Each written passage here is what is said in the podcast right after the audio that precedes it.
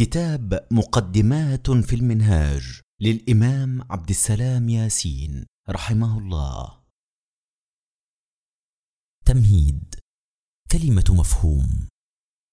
يقسم الفقهاء الأصوليون الدلالة إلى لفظية ونصية يجمعها اصطلاح منطوق وإلى دلالة مفهومية ويقولون دلالة المنطوق في مقابل دلالة المفهوم. وعندئذ يتحدثون عن مفهوم المخالفة وبعضهم يجعل الدلالة اللفظية في مقابل الدلالات المفهومية التي تدخل فيها الدلالات النصية وإذ ذاك يكون لديهم.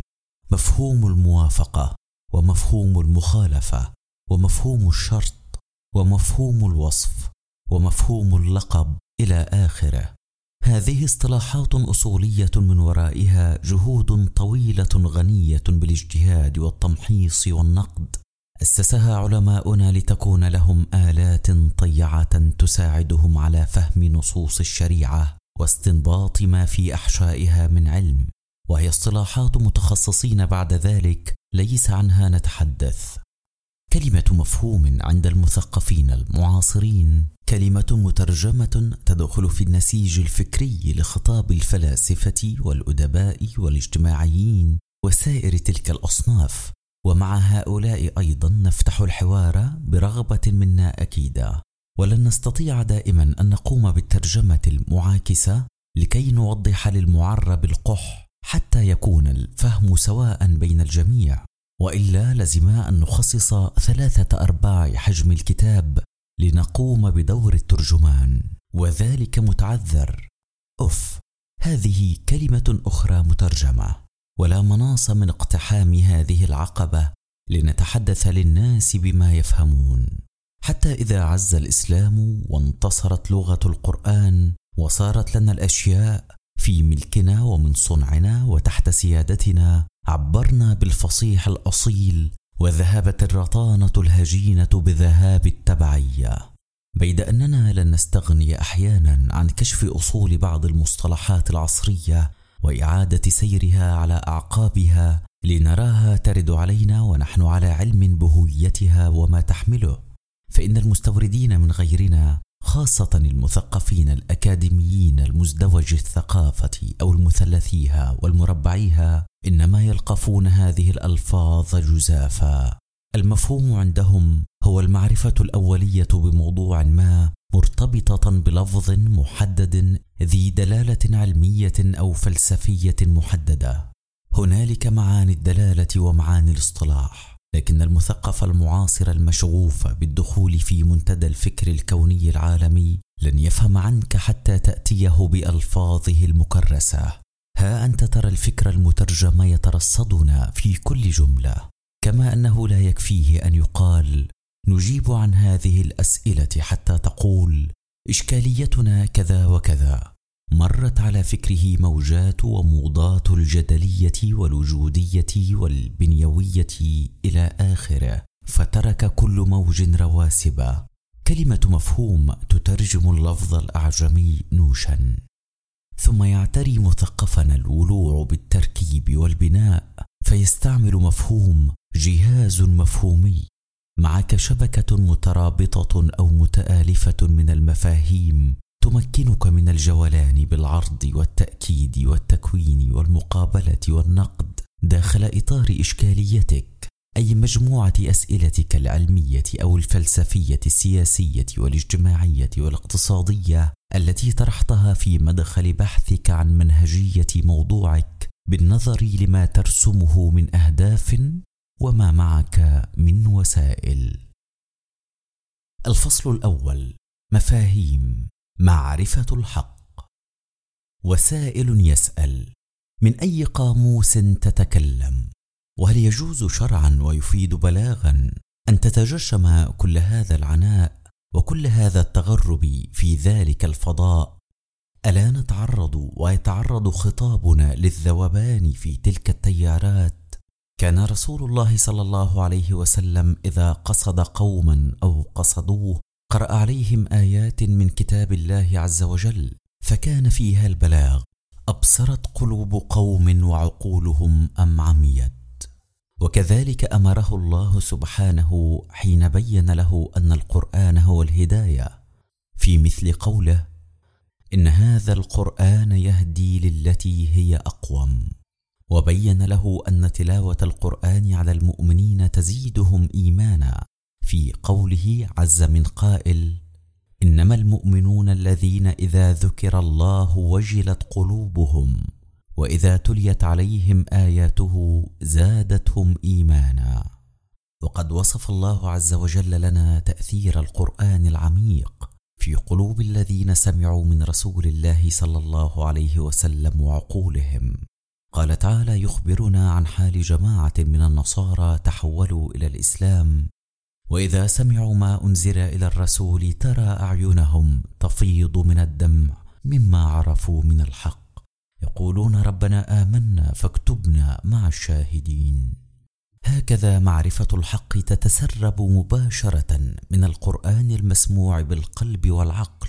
لا وسائط فكرية ولا مفاهيم يألفها نصارى العرب دون سائر العرب. فأي شيء يتسرب أي شيء يتوقع أن يتسرب من قنوات المفاهيم والإشكالية والجهاز المفهومي. ألا يوشك الريح الجارف أن يلقينا إلى تلك الأجواء المختلطة حين نفتح نوافذ الحوار ليستنشق قوم هواءنا؟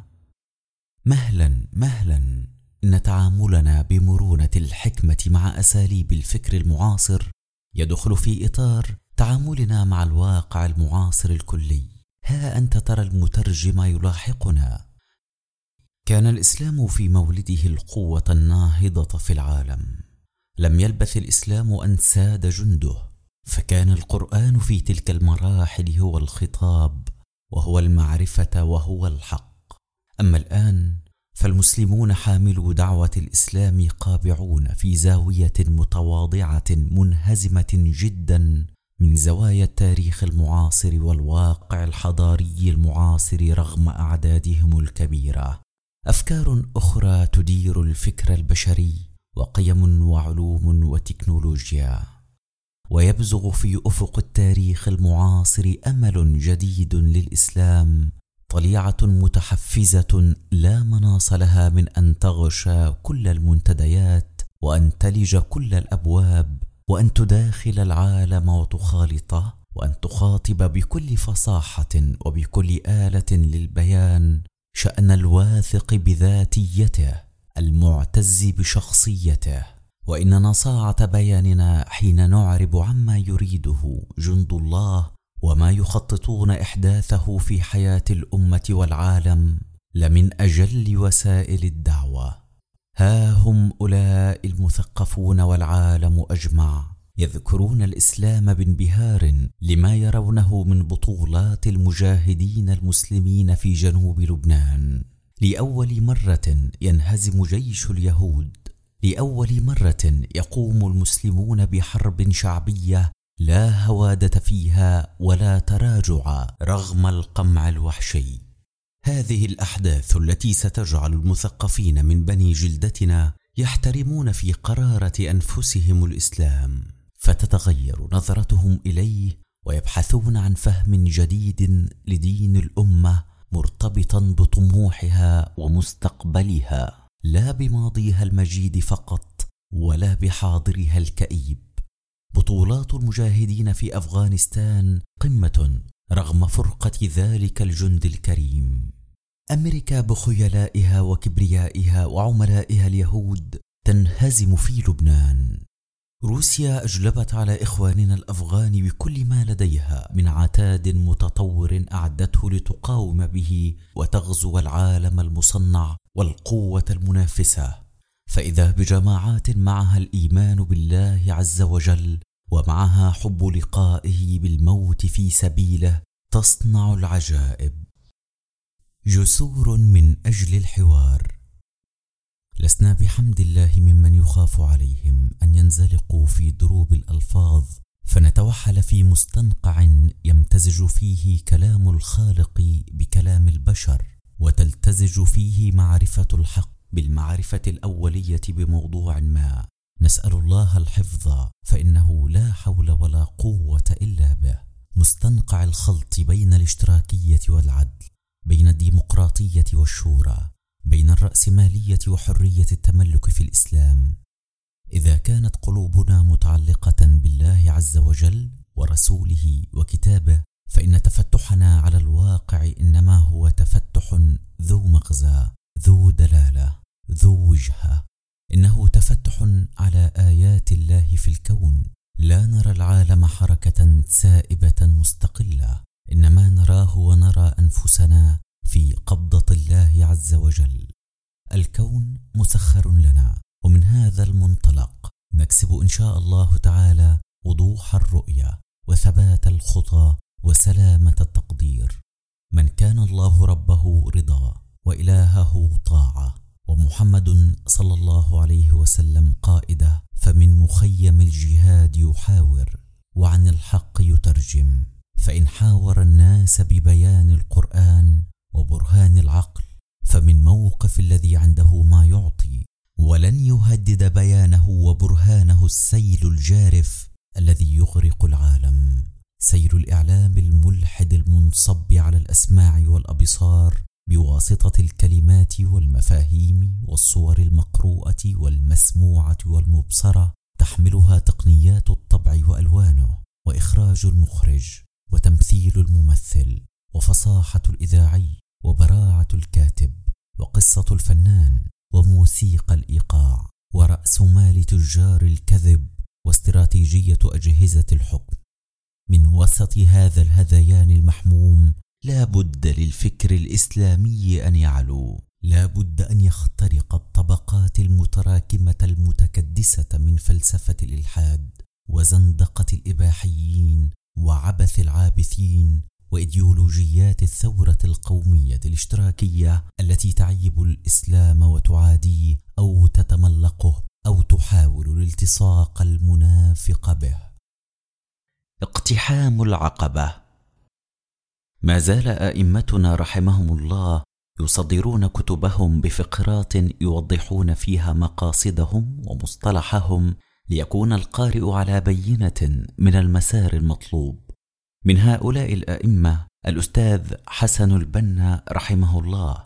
نراه في رسالة التعاليم تلك الرسالة التي تشمل على قصرها قواعد العقيدة والتربية والعمل. ذكر رحمه الله في أولها ما يريده بكلمة الفهم فسرد الأصول العشرين في العقيدة. ثم قال أريد بالإخلاص كذا. وذكر مكان إخلاص الوجهة لله عز وجل في ربط قلب جند الله وقال أريد بالعمل كذا وأريد بالجهاد كذا إلى آخر ما فصله رضوان الله عليه. وأرى أن العبد العاجز أن التفاهم بيني وبين قراء الأعزاء أزداد عنه عجزا إن لم أقدم المفاهيم الرئيسية التي تشكل الحبل المنهاجي الحامل لمضمون ما أريد تبليغه بحول الله. رأس هذه المفاهيم العبارة المقتبسة من سورة البلد اقتحام العقبة إلى الله عز وجل. هذه العبارة لم آخذها صدفة إنما توفيق الله عز وجل سبق. فإذا بالعبارة حبلى بكثير من العلم.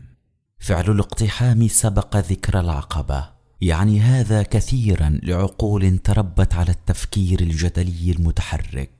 ما كان همي الأول أن أرضي الجدلية وهي وهم تافه من أوهام الفلاسفة المثاليين منهم والماديين. لكن جاء التأمل الثاني فإذا بالعبارة ترفع تلك الحركة الجدلية التافهة من حيث كانت متناقضات الطبيعة يحتك بعضها ببعض ويصطدم بعضها ببعض ويسابق بعضها بعضا إلى حيث تكون الطبيعة. الطبيعة الكونية والطبيعة الإنسانية. عقبة يجب على الإنسان أن يقتحمها ليعرف مولاه وخالقه وليرضى عنه وليسعده السعادة الأبدية. جدلية الطبقات الاجتماعية هل يمكن الروغان عنها؟ اقتحام العقبة إلى الله عز وجل ينقلنا من آفاق الثورة الطبقية والاستبداد الطبقي إلى إمكانية الأخوة الإنسانية. اقتحام العقبة إذن تحرك إرادي تتعرض له العقبة فتمانعه ويغالبها حتى يتم الاقتحام. حركة الفرد المؤمن في سلوكه إلى الله عز وجل وحركة الجماعة المجاهدة في حركتها التغييرية وحركة الأمة في مسيرتها التاريخية. الرحمة والحكمة. بعد العبارة المفتاح اقتحام العقبة بعد عنصر الحركة والمغالبة الإرادية للواقع لفظتان قرآنيتان تحمل كل منهما في إحشائها العوالم الذاتية في الإنسان. وأستعمل الكلمتين استعمالا خاصا محدودا فأقصد بالرحمة العلاقة القلبية للعبد بربه وأقصد بالحكمة تصرف العقل. عقل المؤمن المرحوم أثناء فهمه لشريعة الله عز وجل وأثناء صياغتها صياغة قابلة للتطبيق وأثناء السهر على تنفيذ أوامرها والامتناع والزجر عن نواهيها. الرحمة ما جاء من الله تعالى للعبد هداية كبعث الرسل إليه والرحمة تعلق القلب بتلك الهداية والاستمساك بعروتها حتى تنور كيانه ويتمكن في محبة الله عز وجل. تلك المحبة التي تؤدي للعمل والجهاد. يا أيها الذين آمنوا من يرتد منكم عن دينه فسوف يأتي الله بقوم يحبهم ويحبونه. أذلة على المؤمنين أعزة على الكافرين. يجاهدون في سبيل الله ولا يخافون لومة لائم. أقصد بالحكمة معرفة الدين والعمل به. كما فسر الكلمة الإمام مالك رحمه الله قال ابن قتيبة الحكمة عند العرب العلم والعمل والعلم والعمل آلتهما العقل. فإما عقل مصدر معرفته التجربة البشرية والتخمين الفلسفي وذاك عقل مشترك بين البشر. وإما عقل يتلقى عن القلب رحمة الإيمان وهداية الوحي ثم ينصرف إلى تنفيذ أمر الله سبحانه وتعالى في الكون. لا غنى له عن التجربة والفحص. فذاك عقل الحكمة. الرحمة قلبية والحكمة عقلية راجعة في معرفة الأهداف والغاية إلى الوحي. آخذة بالتجربة التي تمكن الإنسان من ضبط حركة الكون والسيطرة على تفاعلاته ليتسنى له تطبيق الشرع. النداء والاستجابة. اقتحام العقبة. صيغة النداء الذي وجهه الله عز وجل للإنسان يهيب به أن يتحرك ويغلب العوارض ليعرف ربه ويطيعه وينال رضاه في الدار الآخرة. يجيب المؤمن نداء ربه مرتاحا لما جاءت به الرسل مصدقا للوحي منصاعا للأمر. يستجيب قلبا وقالبا. رحمة وحكمة علما وعملا. بمجموع هذه المفاهيم الثلاثة يتقابل النداء والاستجابة بتلبية العبد فردا وأمة نداء ربه بتحركه للتنفيذ على وعي تام بمصدر النداء وطبيعة العقبة. يتعرف الإسلام ويتعرف الإيمان ويتعرف الإحسان. ما الإسلام شيء بل حركة ما الإيمان خفايا بل علاقة حية بين العبد وربه رحمة وبينه وبين الكون حكمة. ما الإحسان سبح في عالم الروح بل تحسين مستمر متصاعد للعمل الصالح. كل لفظة مفهوم من قاموس الإيديولوجيات تؤدي معارف. الماركسية معرفة الثورة الثورة معرفة التغيير. الديمقراطية معرفة الحرية. العلمانية معرفة الديمقراطية. الاشتراكية معرفة توزيع الثروات. وتحت كل لفظة أو مفهوم فلسفة أو فلسفة علمية في زعمها. الإسلام حين نفهمه حركة لاقتحام العقبة نداء واستجابة رحمة وحكمة يكون هو المعرفة الشاملة والمحرك.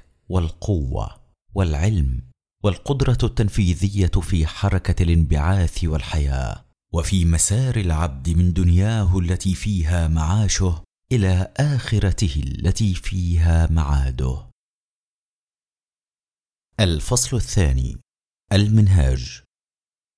كلمة منهاج الإيديولوجية الناحية العملية وظيفة المنهاج مطالب المنهاج. الإخلاص لله عز وجل اولا.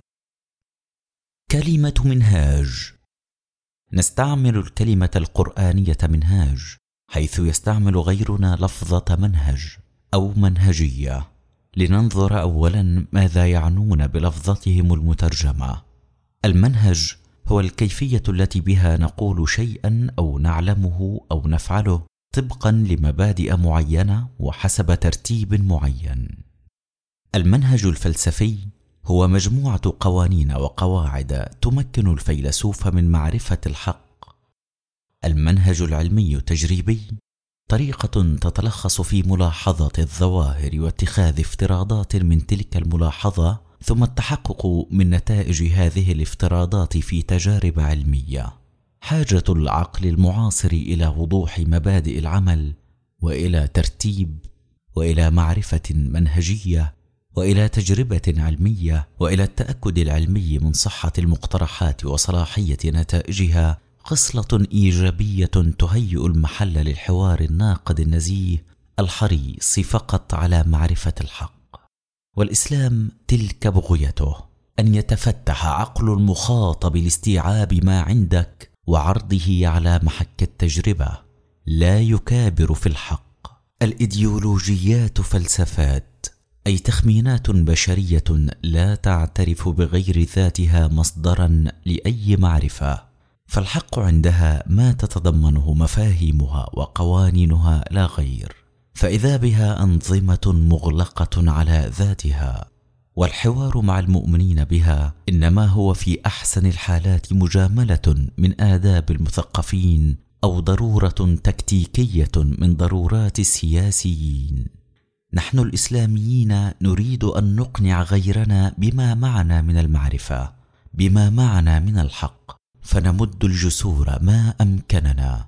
لكن لا تبلغ بنا المجاملة أن نفتح ذريعة من خلالها ينفلت منا الإخلاص لله عز وجل وحده لا شريك له. والكلمة السواء التي ندعو إليها لا يمكن أن تكون كلمة الفلسفة إنما هي كلمة العلم. علم الحق الذي يطلب التجربة ويطلب اليقظة ويطلب التأكد من النتائج. لفظة منهاج القرآنية وردت في قوله عز وجل لكل جعلنا منكم شرعة ومنهاجا. قال حبر الأمة عبد الله بن عباس رضي الله عنهما الشرعة القرآن والمنهاج السنة. فالمنهاج إذن تطبيق للقرآن وتجسيد في حياة الفرد وتاريخ البشر لتعاليمه. المنهاج عبارة عن السنة والسنة عمل تابع لعلم عمل تاريخي مرتب في الزمان. فلا تنافي إذن بين التعريف العام للفظة منهج وبين تعريف المنهاج. إذا ميزنا أن المنهج كيفية بشرية للقول والتعليم والفعل بشرية محضة. بينما المنهاج قول وتعليم وفعل. بشري نعم لكن بكيفية جاء بها الوحي وقاد مراحلها رسول من عند الله عز وجل. والفرق بين المنهاج وبين المنهجية العلمية من كون المنهجية العلمية موضوعها الكون ونتائج ملاحظتها وتجربتها وافتراضاتها قوانين تحكم الكون وحركته. بينما المنهاج موضوعه الإنسان ومصير الإنسان في الدنيا والآخرة والكون وأسراره ونواميسه تابع للإنسان لا يستغني الإنسان عنه لأنه مجاله الحيوي ومصدر معاشه وعماد بقائه وقوته. ويجتمع المنهج العلمي والمنهاج النبوي في أن عملية ذاك تعطي نتائج كونية وفي أن هذا يعطي نتائج إنسانية. ولما يسمى في عصرنا بالعلوم الإنسانية مناهج كثيرة متكاثرة من وضعية إلى بنيوية مرورا بطيف من الألوان الفلسفية تعطي لملاحظة الإثنولوجيين والأنثروبولوجيين والمؤرخين واللسانيين إلى ما هنالك قواعد نظرية يحاولون على أساسها معرفة تاريخ الإنسان وتاريخ المجتمعات وبناء المجتمعات وعلاقات البشر فيما بينهم والعادات والخصائص والصفات المشتركة. هذه العلوم تملأ عندهم فراغا تركه الدين لما فصلوا الدين عن حياتهم. لكن ايا من تلك العلوم لا تبحث عن معنى وجود الإنسان ولا عن معنى زائد عن جسمانيته ونفسانيته الشهوانية التي تنشد اللذائذ والغضبية التي تنشأ عنها المنافسات والحروب والنباتية التي تتوقف على ضروريات المعاش والاجتماعية التي يحكمها تكوين الأسرة وتضامن القبيلة. المنهاج علم متحرر من حيث هو علم موحى به ومن حيث هو نداء من لدن رب العالمين من كل ثقل أرضي اجتماعي أو إثني أو تاريخي أو اقتصادي. لكن المنهاج من حيث هو عمل من حيث هو استجابة لداعي الله تعالى وتقدس إنما هو عبور شاق صعود مجهد اقتحام لكل العقبات النفسية والاجتماعية والاقتصادية والجغرافية. المنهاج العلم وحي مجرد يمكن للعقل المجرد أن يتلقاه ويفهمه في تجريده فيبقى فكرا عاطلا.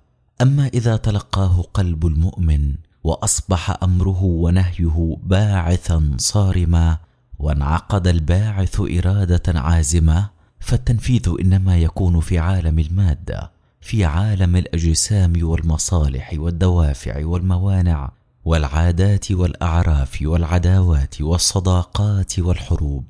والعقل عندئذ أداة تنفيذ لا مصدر تخمينات تعطي المعرفة وتؤسس العمل. الإيديولوجية. أو الإيديولوجيا. اللفظة اولا. وهي لفظة مركبة من كلمتين يونانيتين معناهما علم الأفكار. ويعرفون الإيديولوجية بأنها مجموعة أفكار تكون مذهبا. هذا مدلولها العام. ولها استعمالات بقصد العيب. كأن توصف الأفكار التضليلية بأنها ايديولوجيه أو يوصف المذهب الذي يرمي إلى أهداف بعيدة المنال لا سبيل إليها بأنها ايديولوجيه وهي عندئذ مرادفة لكلمة يوتوبيا.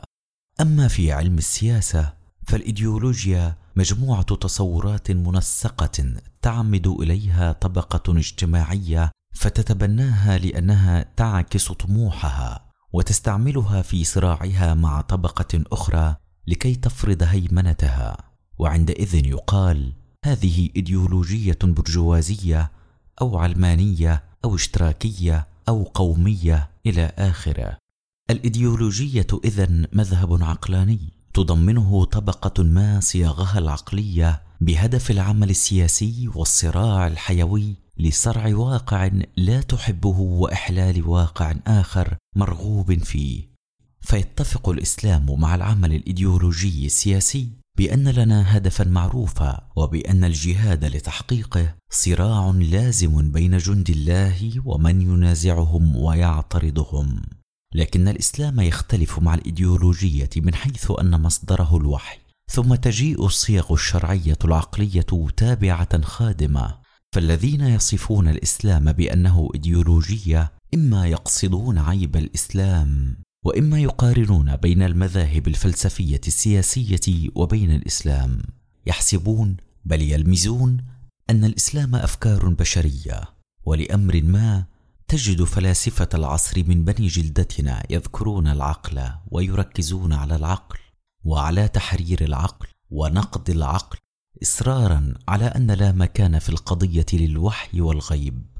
الإسلام يرسم أهدافا للأمة أولها وأكثرها الحاحا إقامة حكم إسلامي يوحد الأمة وينتزعها من قبضة أعدائها الداخليين والخارجيين ويرى هؤلاء الأعداء قوة الإرادة الجهادية وبوادر التنفيذ الجهادي المتطلعة للمثل الأعلى الذي يرسمه الإسلام فيدخلهم الفزع ويرون الإسلام المنبعث خطرا جسيما يهدد وجودهم.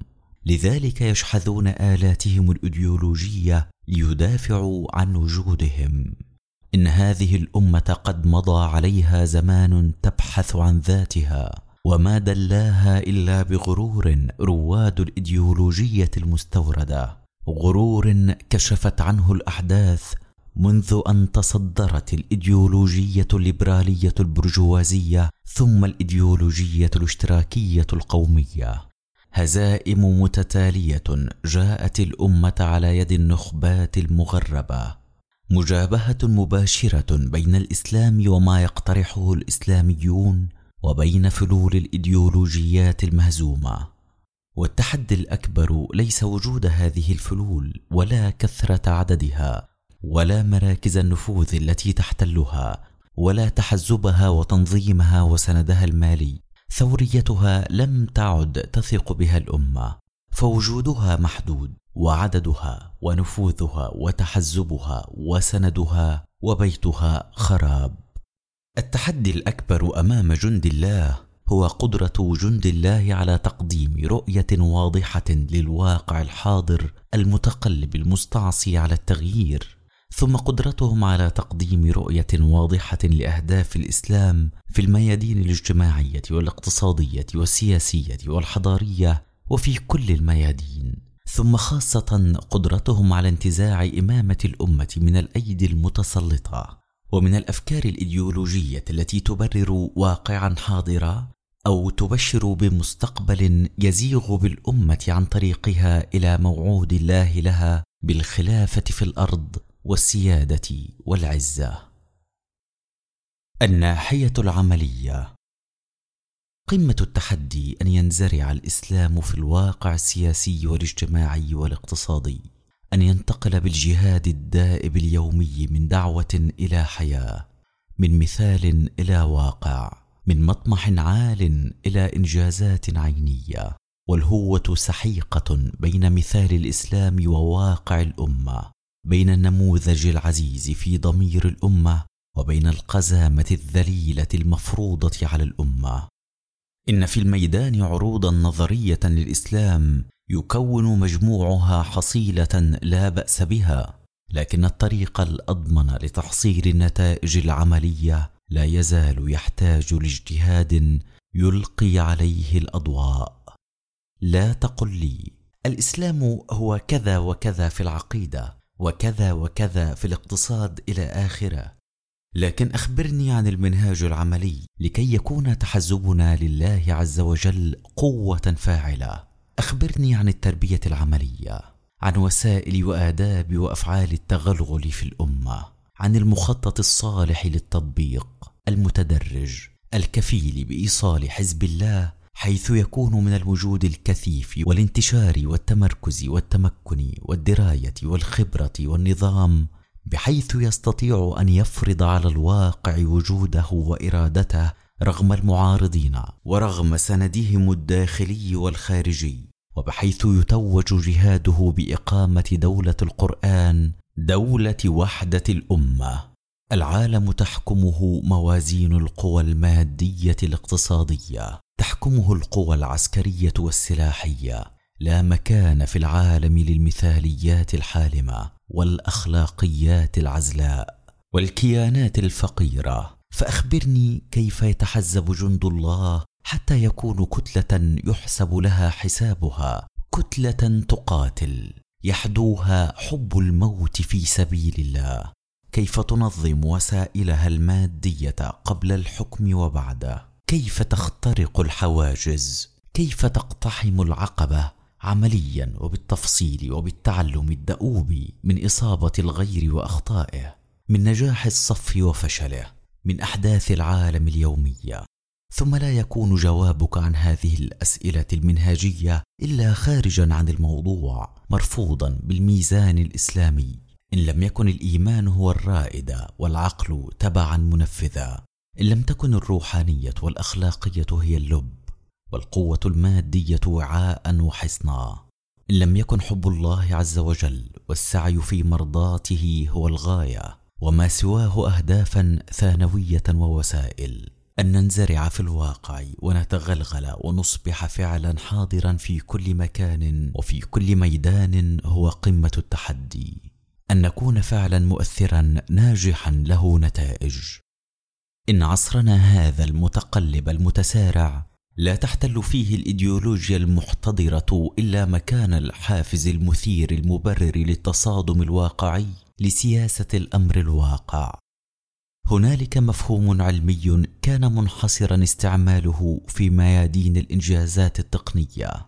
تحولت المجالات السياسية والاجتماعية والاقتصادية إلى صورة الحركة التكنولوجية وقوانينها التي تتلخص في الجدوى.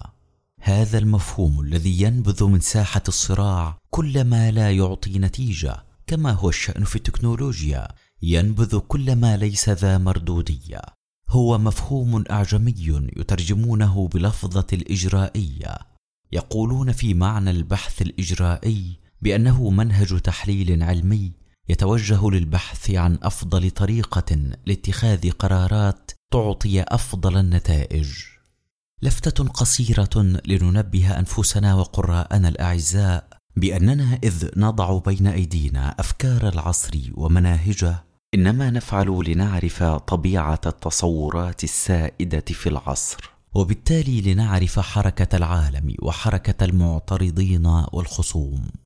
ثم لنقتبس عناصر صالحه للدخول في الحكمة التي يؤتيها الله من يشاء. ليست العبرة أن نلتمس أقصر طريق للحكم الإسلامي ولا أن نلتمس أضمن الوسائل رأي العين.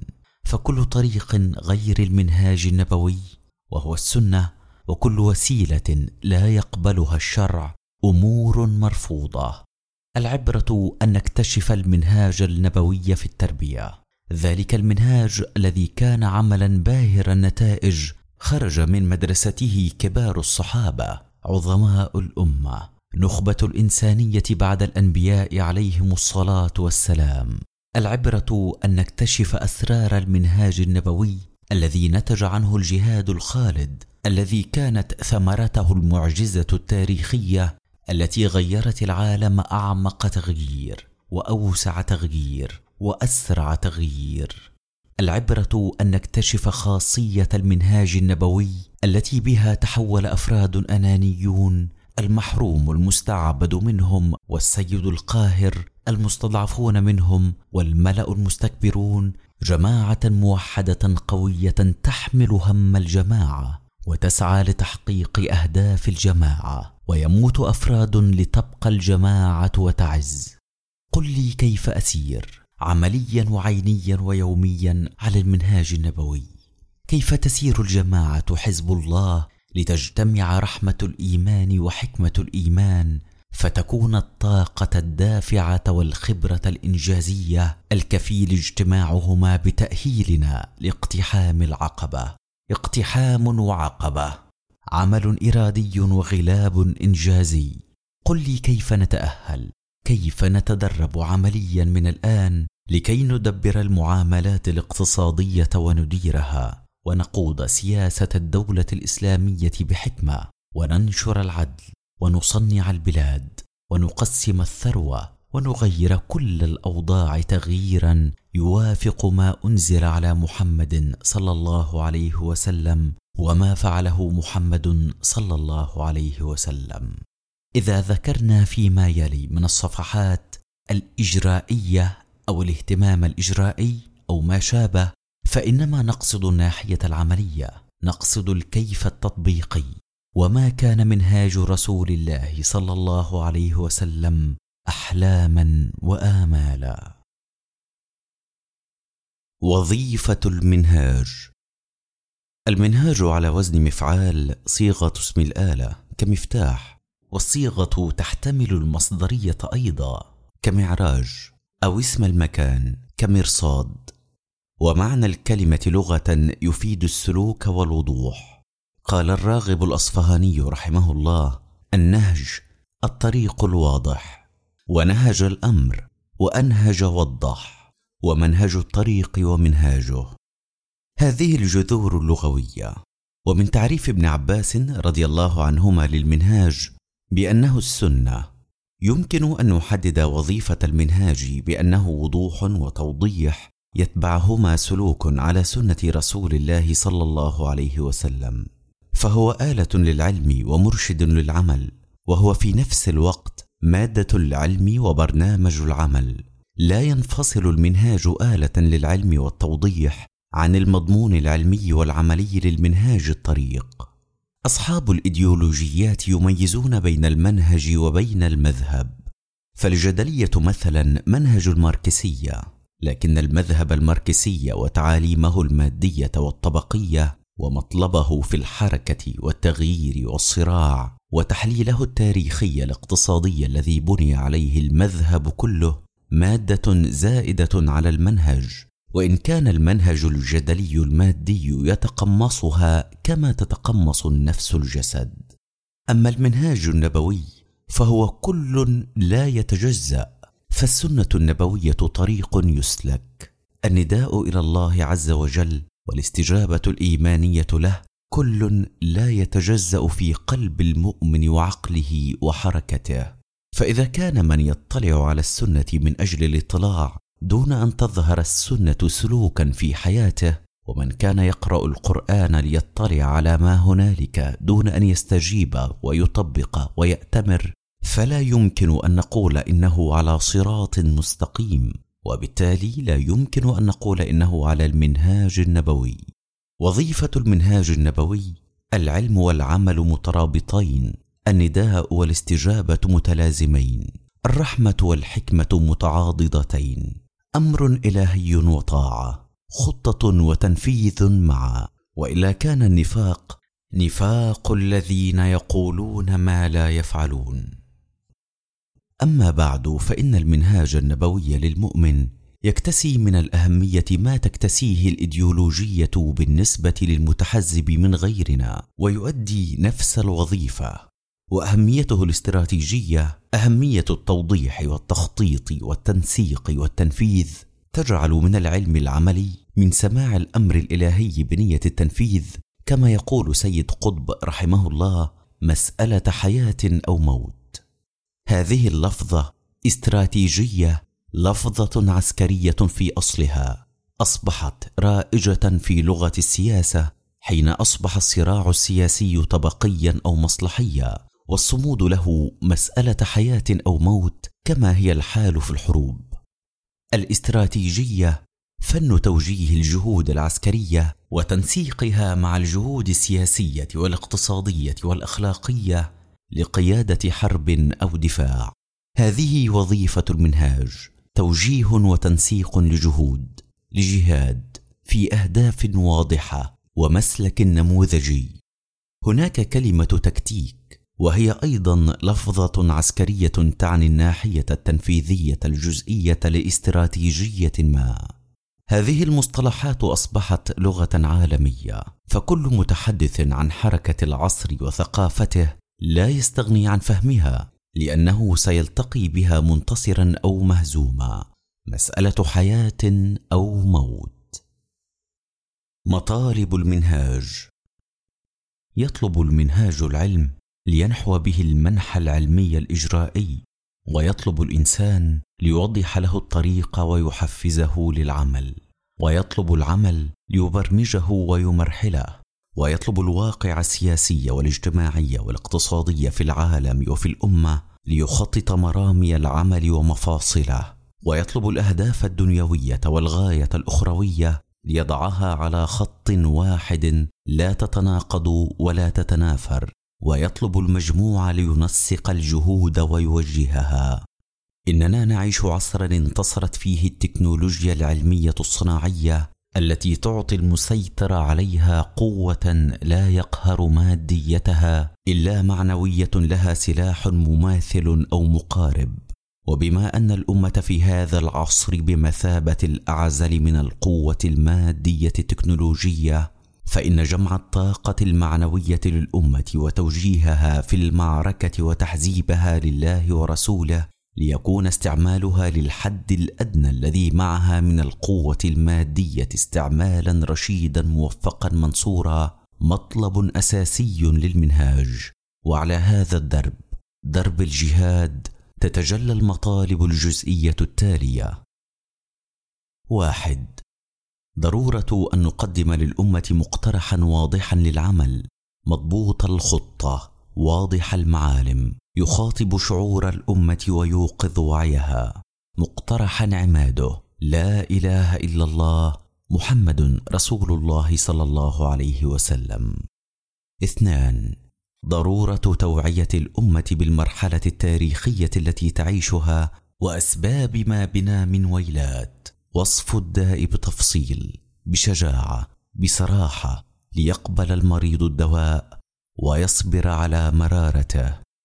ثلاثة ضرورة الإقلاع عن نفاق الأمة كما يفعل حكام الجبر حين يبررون الواقع الحالي ويخدرون حس الأمة. كل شيء بخير فناموا ولا تستيقظوا. وكما يفعل النافخون في النعرات القومية الثورية. أمجاد يا عرب أمجاد. ضرورة أن نصارح أنفسنا بأنفسنا وننتقد أنفسنا بأنفسنا. أربعة ضرورة كشف المصالح العالمية الاستكبارية والمصالح الطبقية بين ظهرانينا لتعرف الأمة من أعداؤها. وضرورة كشف مصالح الأمة ولم ضاعت وكيف استرجاعها. خمسة ضرورة لم الطاقات الشعورية والعلمية للأمة وإعادة توجيهها بعد نزعها من قبضة التيارات الحزبية من غيرنا ومن قبضة الخمول الموروث. ستة. إثارة القوة الغضبية للأمة على الظلم والظالمين. لكن التحكم في تلك القوة وتهذيبها وتربيتها حتى تكون غضبا لله عز وجل صالحة للبناء لا للهدم الفوضوي. سبعة. توعية الأمة بذاتها الضائعة بانتمائها لله عز وجل ولرسوله بوحدتها المسلوبة بواجبها في التحزب لله ولرسوله. ثمانية. إيقاظ الإيمان الراقد وتحريك الغيرة الراكدة لتعود تعاليم الدين امرا مطاعا معمولا به. ولتعود السنة النبوية اخلاقا سائدة وعملا يوميا. تسعة. إنقاذ الأمة من كابوس الحتميات التي أنهكت تاريخنا وجعلتنا كما مهملا مفعولا به غير فاعل. إنقاذ الأمة من الجبرية عقيدة وعملا وتوعيتها بأن لها إرادة وبأن هذه الإرادة الحرة المجعولة المخلوقة لكن الحرة في اعتبار التكليف الشرعي يمكن أن تصنع تاريخا جديدا عزيزا. عشرة. إنقاذ الأمة من دعوات الحتمية التاريخية المادية وذهنية الانصياع للقوة الغالبة ذهنية التابع الذيل. أحد عشر. جذب الأمة بالحكمة والإنجازات العملية والمشاركة في هموم الخبز والعمل والصحة والأمن لتتجمع الأمة حول قواتها المجندة. لتكون الأمة نصيرا لحزب الله درعا له حصنا له قوة به وله. وإن انتزاع إمامة الأمة من يد غيرنا لمطلب حاسم.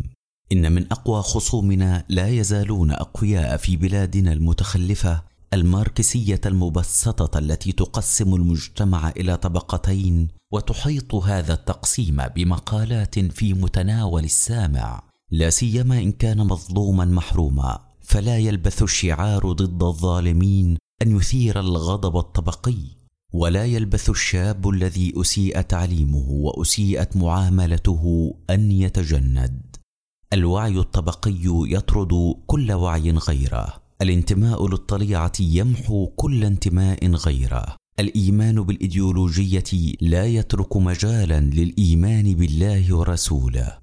تلك الإيديولوجية تصنع الوعي الطبقي المتميز كما يصنع الحكم الظالم اللاوعي الخانع.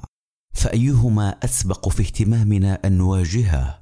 صانع اللاوعي سدنة الظلم أم صانع الوعي الملحد لكن القوي جدا لموقفه الواضح ضد العدو الطبقي؟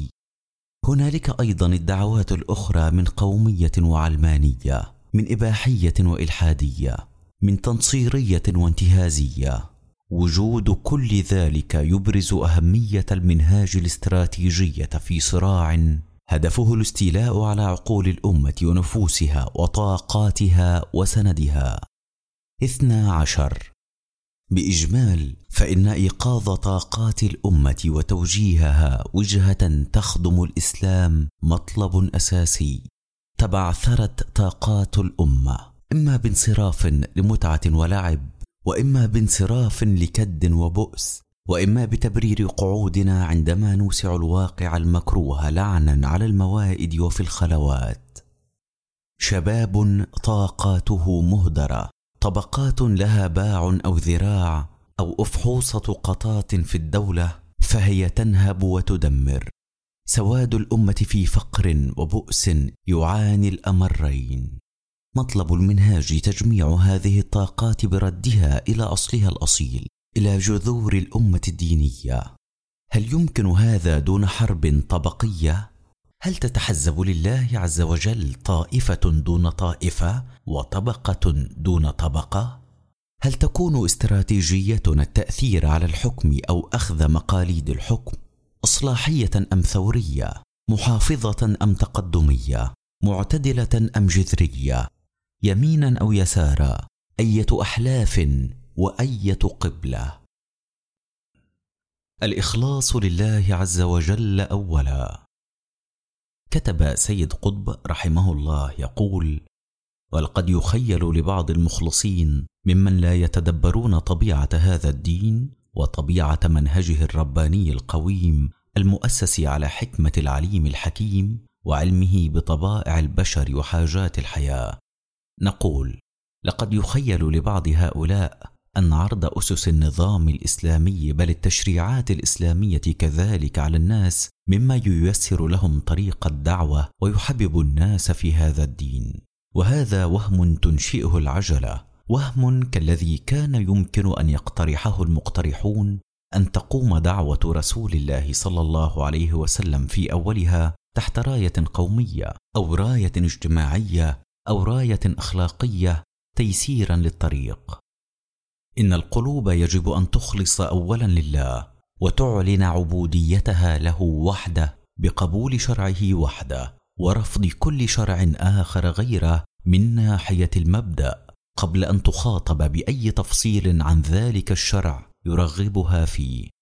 ويرجع إلى الموضوع رحمه الله مرات ليؤكد على مخاوفه من أن تصبح الدعوة إلى الله دعوة إلى نظام سياسي واقتصادي يقارن بالأنظمة الأخرى على صعيد واحد. فإذا بنا في حضيض الإسلام السياسي وإذا بلب الدعوة يفوت وإذا بنا ناس من الناس نتشبت بأفكار منقطعة عن الإيمان والخطر حقيقي لكن في أعقاب كلام شهيدنا تقبله الله ما يرد على صدوره فهو يعرف أن قبول شرع الله عز وجل شرط أساسي في صحة عبودية العبد.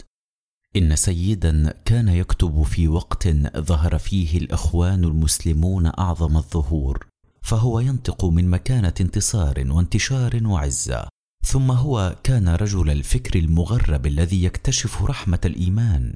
فهو في نجواه وعلانيته في كلامه وكتابته يتحدث عن أثمن شيء في الوجود عن عثور العبد على طريق ربه بعد طول ضلال ولا يحب حديثا غيره.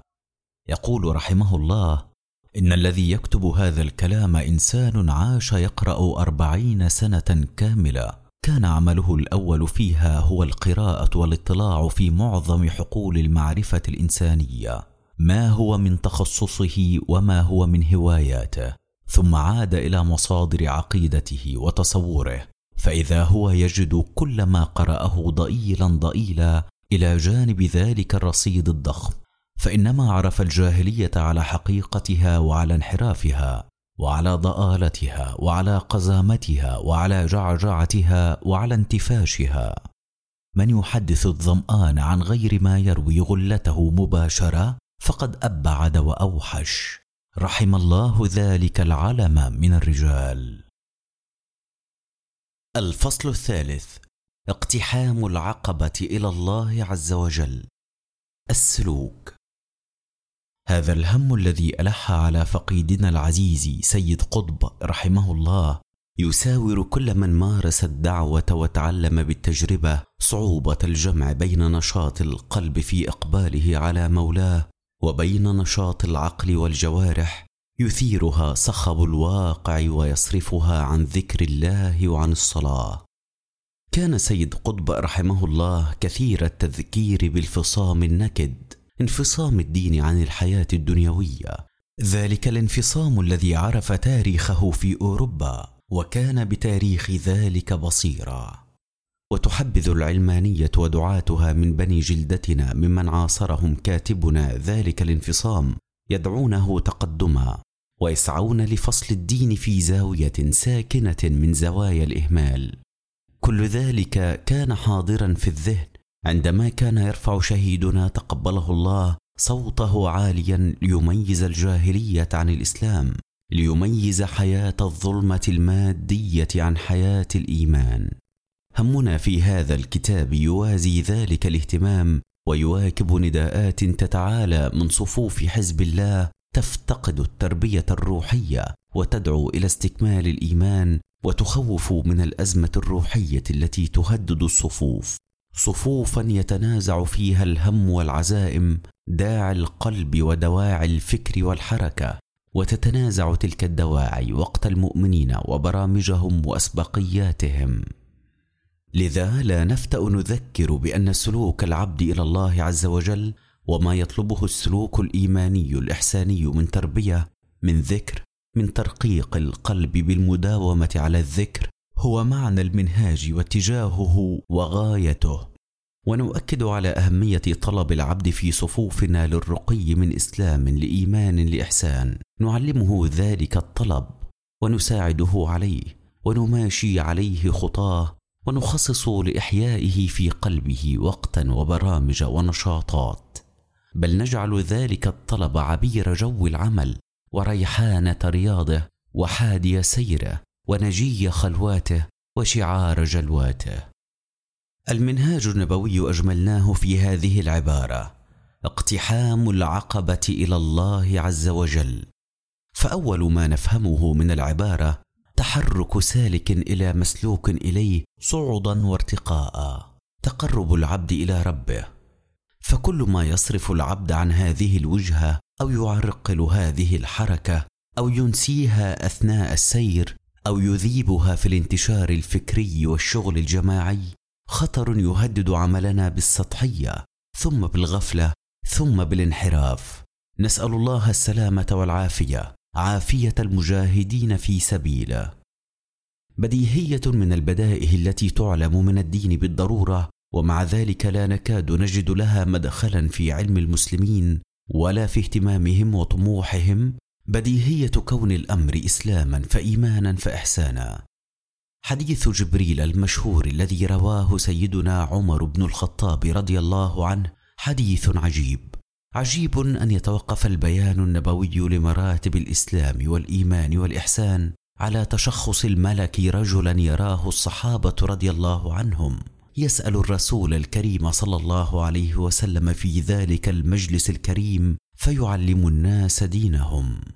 ثم ينسى المسلمون دينهم فتغيب عن عامتهم الرغبة في الترقي الرغبة في المسارعة إلى الخيرات الرغبة في المسابقة. ومع ذلك نقرأ في كتاب الله عز وجل سابقوا ونقرأ ذكر السابقين وفوزهم وذكر المقربين وميزتهم عند الله عز وجل في مقعد الصدق. النداء والاستجابة. في الفصل الأول من هذا الكتاب في حديثنا عن المفاهيم الأساسية للمنهاج كتبنا بحمد الله فقرة تحت هذا العنوان الذي نكرره.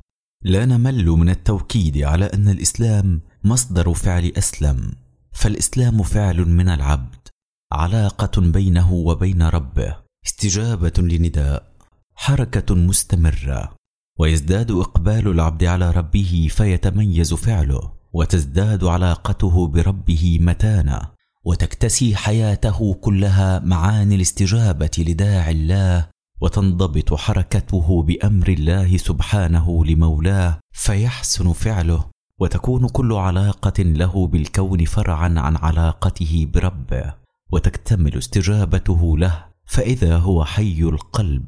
ويكون التقرب إلى الله عز وجل دافعه الدائم فإذا هو على معراج الإحسان.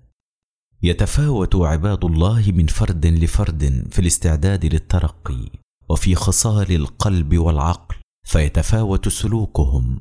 أما حزب الله المخاطب بالقرآن في قوله تعالى يا أيها الذين آمنوا افعلوا ولا تفعلوا فالمفروض أنه جماعة يتمثل فيها الإيمان الذي هو مناط التكليف بحمل الأمانة الجماعية. فلا ينتظر من جماعة مؤهلها لا يتجاوز مرتبة الإسلام أن تقدر على حمل تلك الأمانة.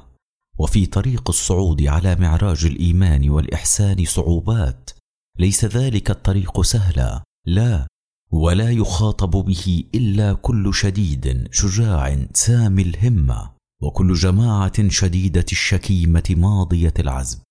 ذكر الله سبحانه وتعالى الإنسان في سورة البلد المكية وذكر تعبه في الدنيا ما دام بعيدا عن ربه وذكر نعمه عليه وما أودعه من طاقات وما بعث إليه من رسل يهدونه وما فطره عليه من استعداد ثم خاطبه مخبرا محرضا فلا اقتحم العقبة.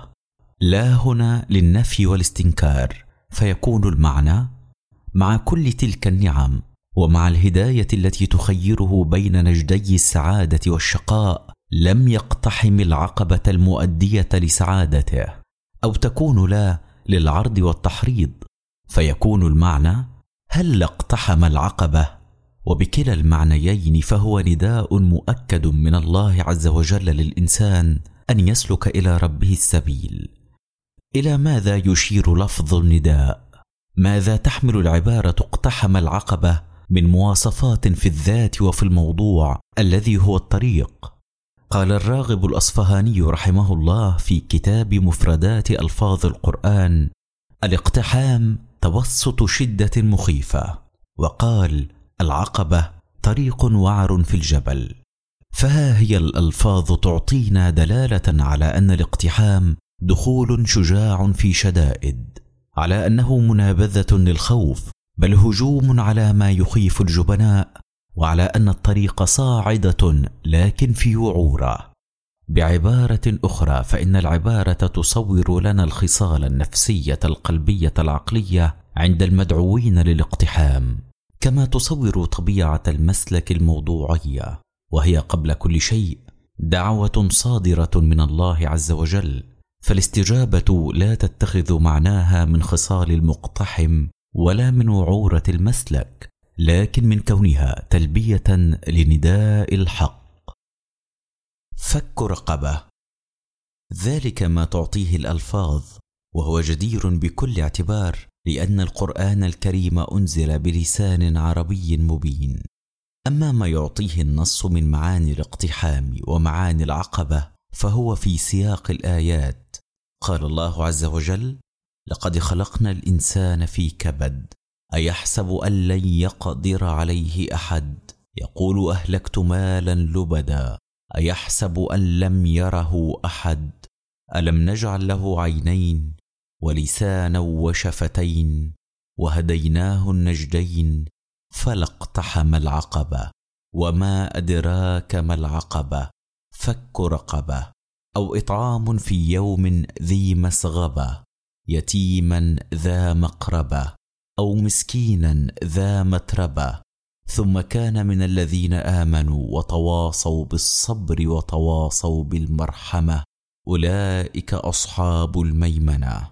والذين كفروا بآياتنا هم أصحاب المشأمة عليهم نار مؤصدة. نجد أن النجدين اللذين هدى الله تعالى إليهما الإنسان عقبتان.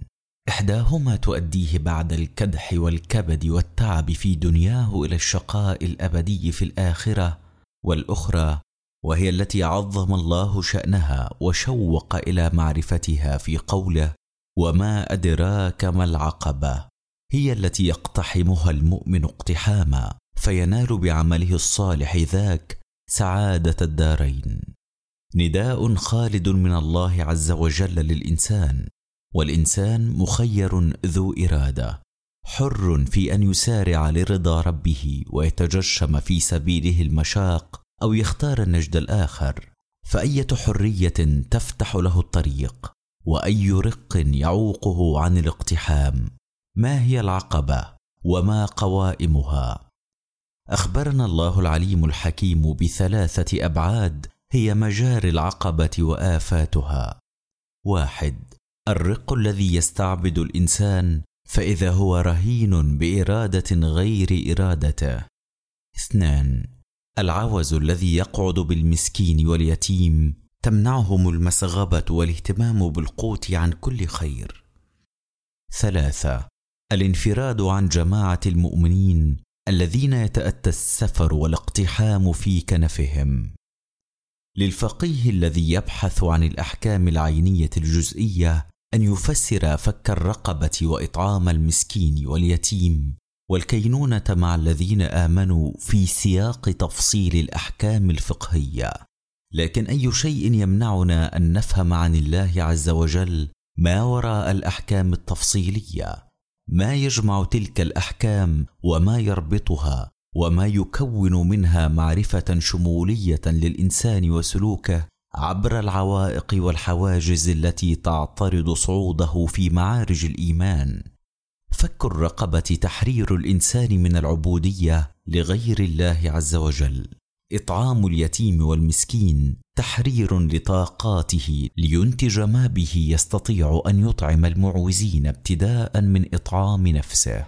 الكينونة مع الذين آمنوا تحرير للإنسان المؤمن الفردي من العزلة والخمول والانفراد وإدماج له في الجماعة ليتحزب لله عز وجل. ثلاثة مجالات المجال النفسي والمجال الاقتصادي والمجال السياسي. ليس ما نحن بصدده تاويلا لكتاب الله عز وجل فلا نقاش في أن فك الرقبة المؤمنة في الكفارات وغيرها قربى والصدقة على اليتيم والمسكين عمل صالح وصحبة المؤمنين ومشاركتهم في الحق والصبر انضمام للجماعة مأمور به. الأحكام التفصيلية باقية على وجهها أما الفقه الأوسع والتدبر المنهاجي فيبسط أمامنا الفهم الشمولي لأهمية التحريض الإلهي على الاقتحام ولخطورة العقبة التي بينتها الآيات الكريمة.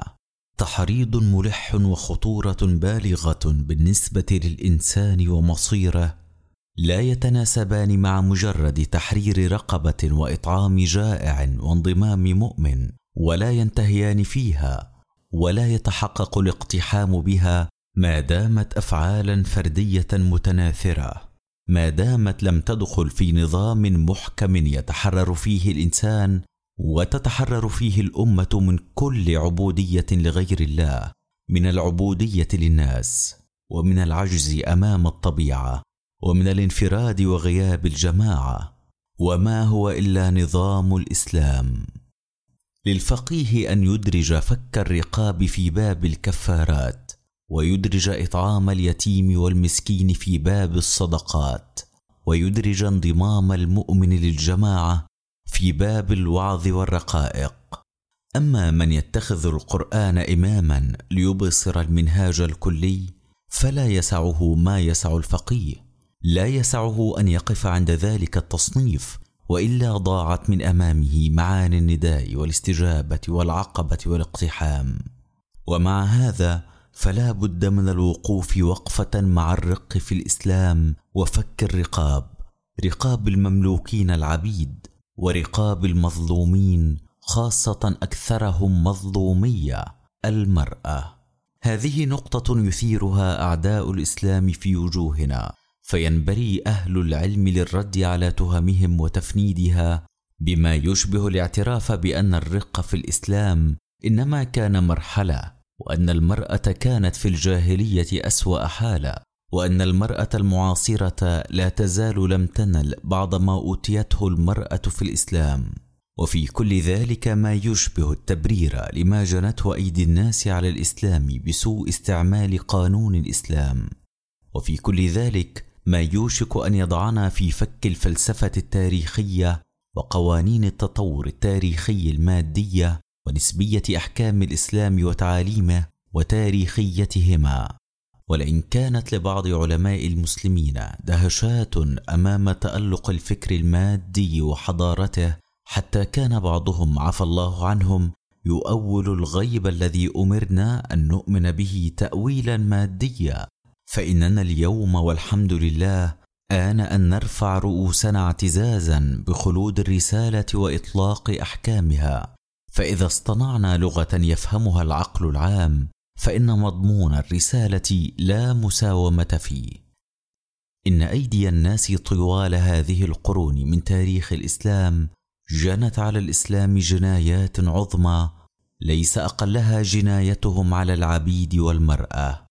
الله أمر أن يكون بين ظهراني المسلمين أسواق للنخاسة أم أن المترفين في المجتمعات الإسلامية استغلوا وجود أحكام شرعية فوجهوها واستغلوها ليتأتى لهم تزويد القصور بحسان الجواري وبارعات المغنيات وتزويد المزارع باليد العاملة المجانية وتزويد المدينة والبيت بالخدم والحشم.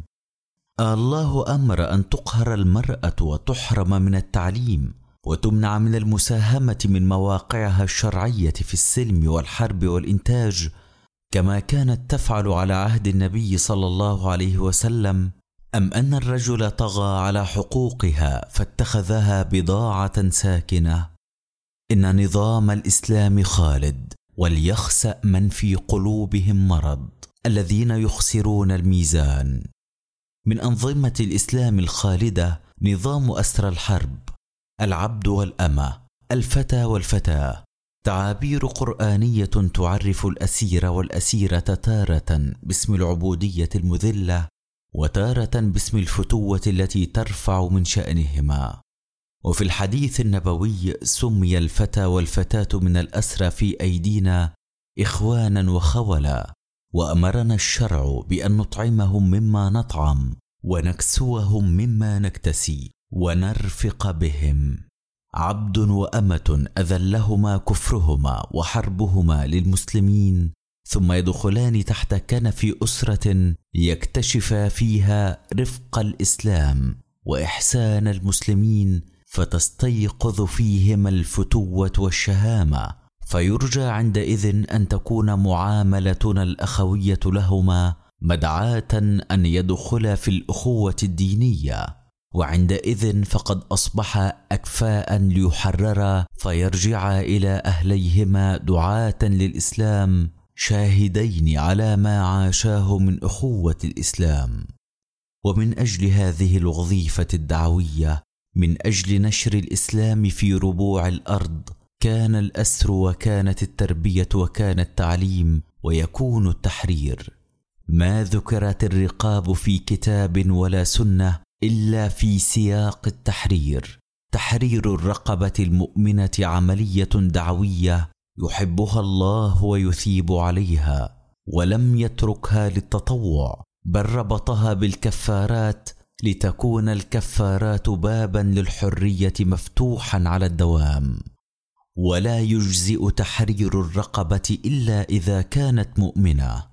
فحين كان المسلمون يمارسون دينهم على أنه دين هداية كانت العناية بتعليم الفتى والفتاة وتحبيب الإسلام إليهما هدفا حاضرا ملازما. حتى إذا تحولت الأحوال واصبح اتجاه من يفهمون أن الإسلام دين جباية استحال الفتيان والفتيات إلى رقيق وحميت أسواق النخاسة. ولا إنصاف عند من يحمل الإسلام أخطاء بنيه التاريخية. أية حرية. نرجع بحول الله إلى السياق المنهاجي إننا في عصر نشيده الذي يصم الأسماع هو نشيد الحرية. فلا بد أن نقف لنتساءل عن نوع الحرية التي نطلبها لرقابنا المملوكة فرادا وأمة. حرية اليمين الليبرالي أم حرية اليسار؟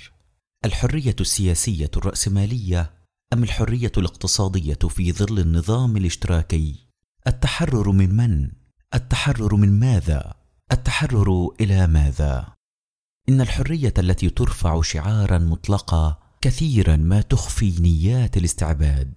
لا بد للمنهاج أن يحدد الشروط الإنسانية والمادية الاجتماعية والاقتصادية السياسية والتكنولوجية التي تمكننا من التحرر تمكننا من اكتساب حرية تتناسب مع النداء والاستجابة الإيمانية تحقق أهداف الشرع في الدنيا عزة للأمة كما تحقق غاية المؤمن في الآخرة السعادة الأبدية عند الله عز وجل.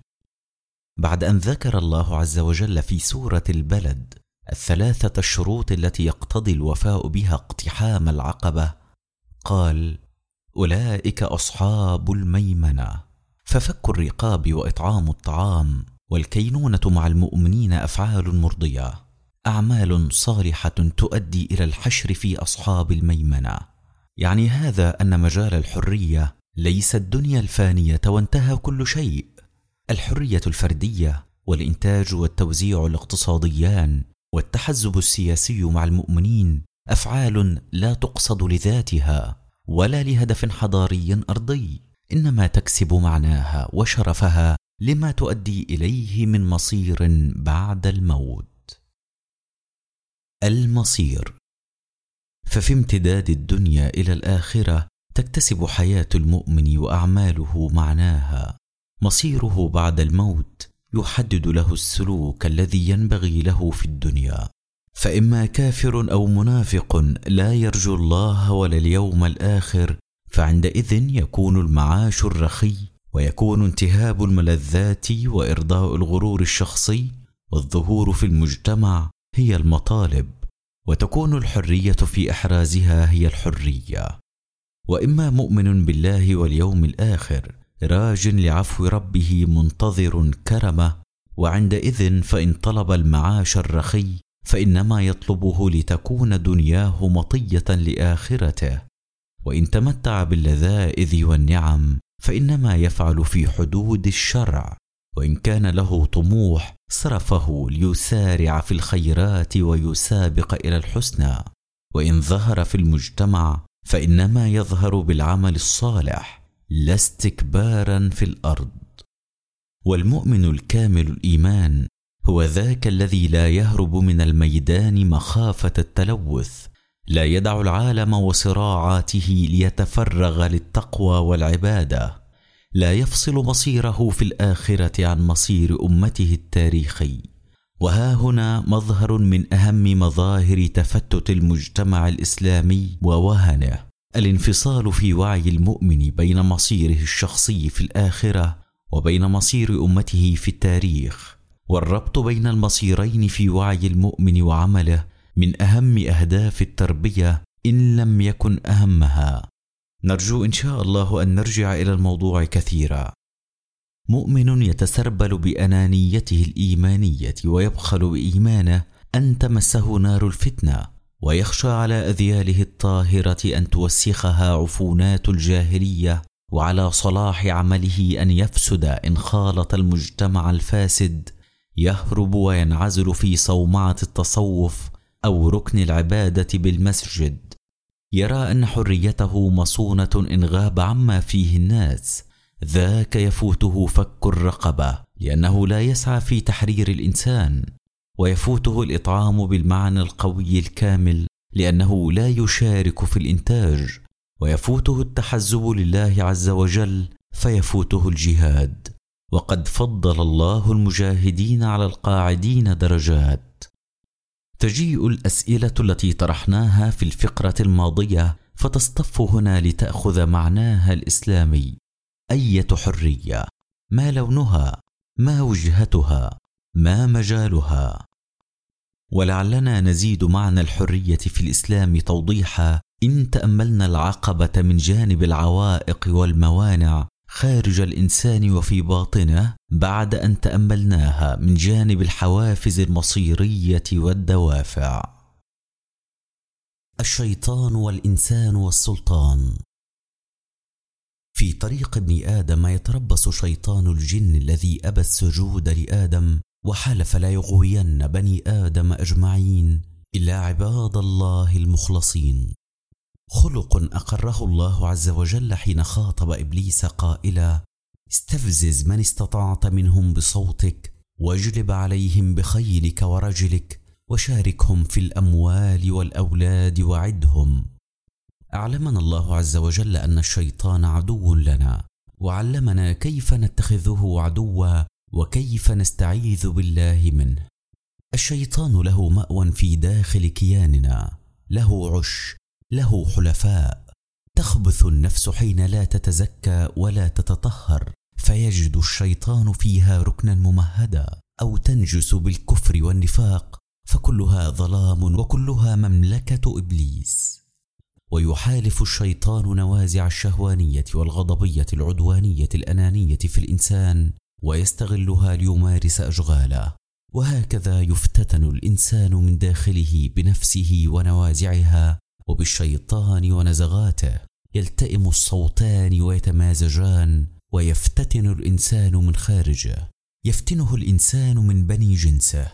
ويفتنه السلطان كما سنذكر بعد قليل إن شاء الله تعالى.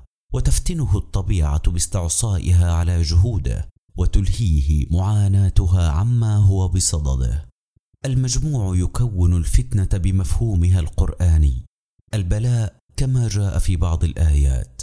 الحياة الدنيا كلها ممر لفتنة الإنسان واختباره. أي لامتحانه. قال الله تعالى الذي خلق الموت والحياة ليبلوكم أيكم أحسن عملا. نضع هذه النبذة القصيرة عن الفتنة بمفهومها القرآني جوابا عن السؤال الذي يطرحه العقل البشري. فيما كل هذا العناء؟ ولماذا الخلاف في الأرض والحرمان والجوع. ولنا رجوع إن شاء الله تعالى ولنتحدث عن الفتن بصيغة الجمع بالمفهوم النبوي. بعد الشيطان فتنة الإنسان بأخيه الإنسان. صدام أنانيات صدام عادات صدام ذهنيات. تنافس على الرزق خصام على المصالح. ذلك النداء الإلهي الذي يدعوك لاقتحام العقبة قدم لك صورة كاملة عن العقبة. كما قدم لك واجبك تجاه الامتناع الاجتماعي وهو مقاومة كل ما يستعبد الرقبة من تسلط مباشر أو مضايقة ظالمة في الرزق. وقدم لك صورة واضحة ضمنيا عن الامتناع السياسي حين نصح لك بالانضمام للجماعة والتحزب لله عز وجل معها لتتعاون مع المؤمنين على ممارسة الصبر وممارسة المرحمة.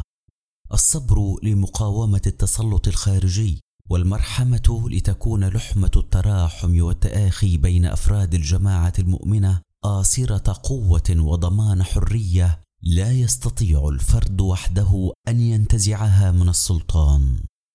لا حرية للإنسان إلا داخل تضامن اجتماعي يقيه طغيان الفئة المناهضة أو طغيان الدولة.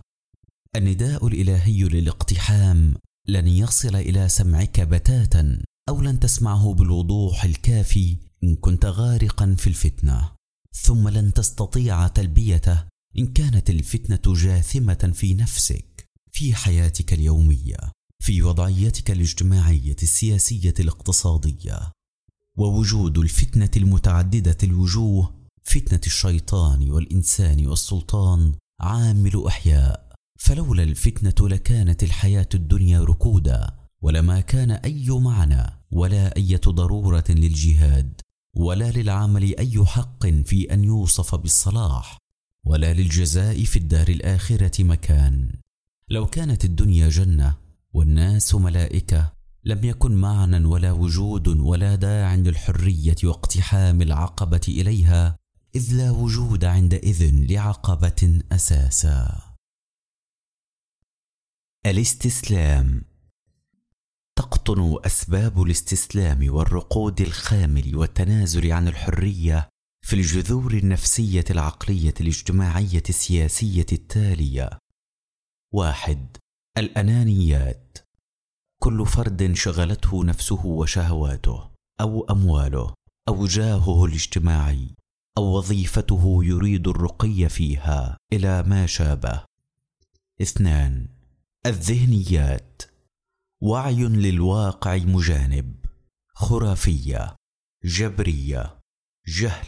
تضليل إيديولوجي. ثلاثة. العادات. التصاق بالمألوف الساكن. بالترف رضا بالواقع.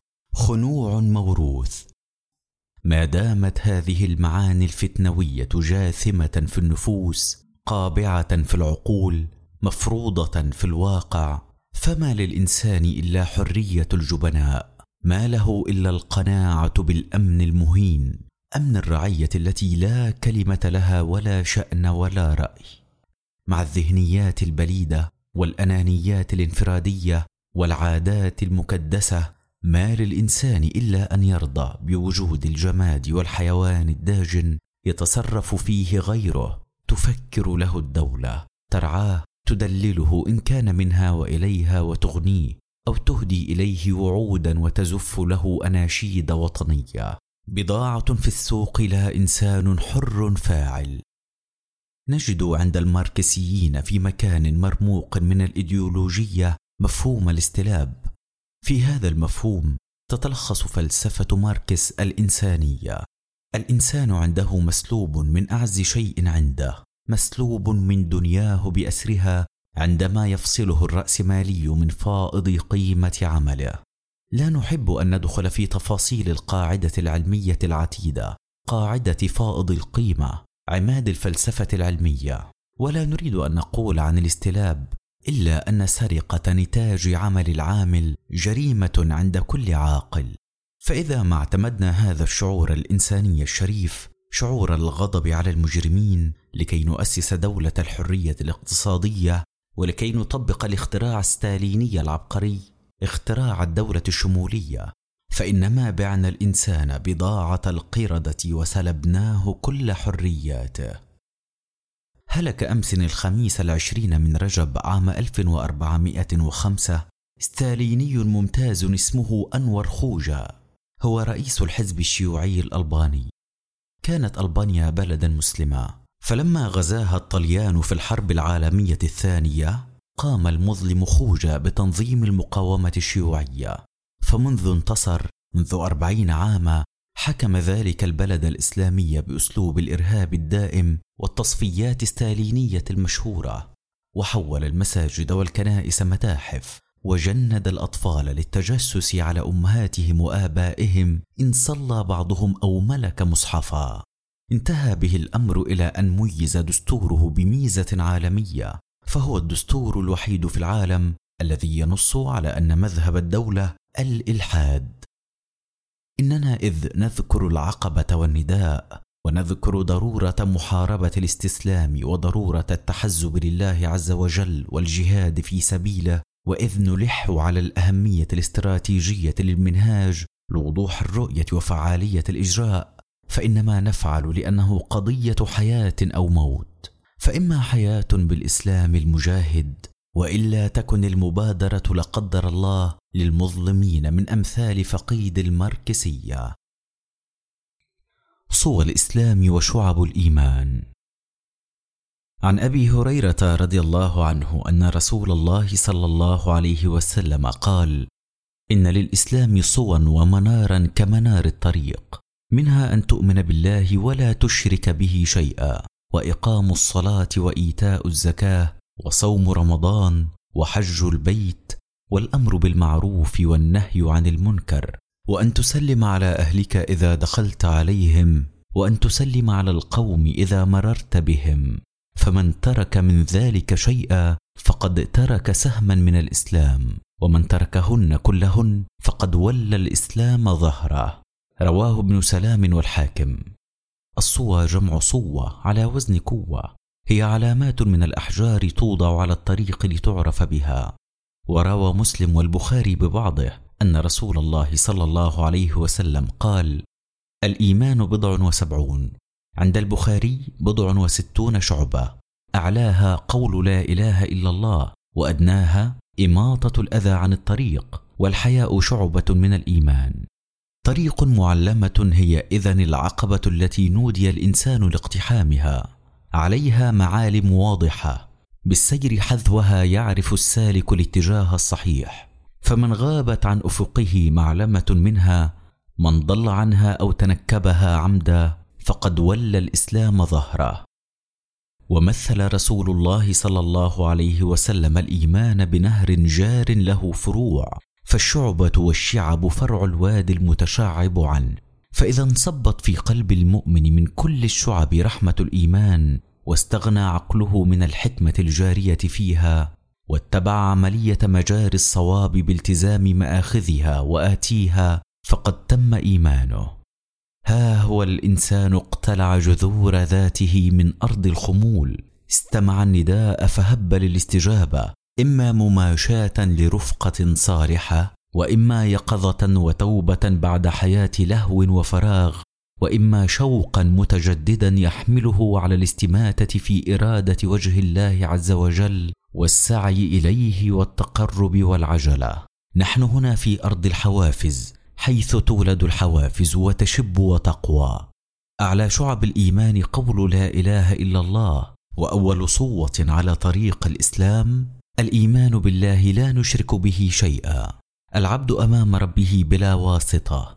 النداء والاستجابة في الإيديولوجيات يضعان المرشح للحزبية وجها لوجه مع عدو طبقي أو مع مستقبل ويوتوبيا.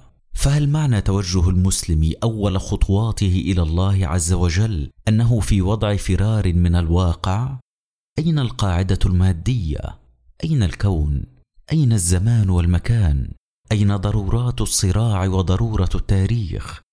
لا إله إلا الله تعني التحرر من كل عبودية غير العبودية لله الواحد القهار.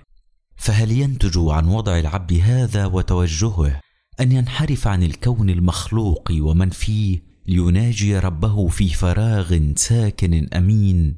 كلا فإن على العبد بعد الشهادة أن يشمر عن ساعد الجد ويقتحم العقبة إلى الله تعالى. إلا يفعل فإنما هي شهادة باللسان كلمة لا مدلول لها في عالم الأعمال والإنجاز.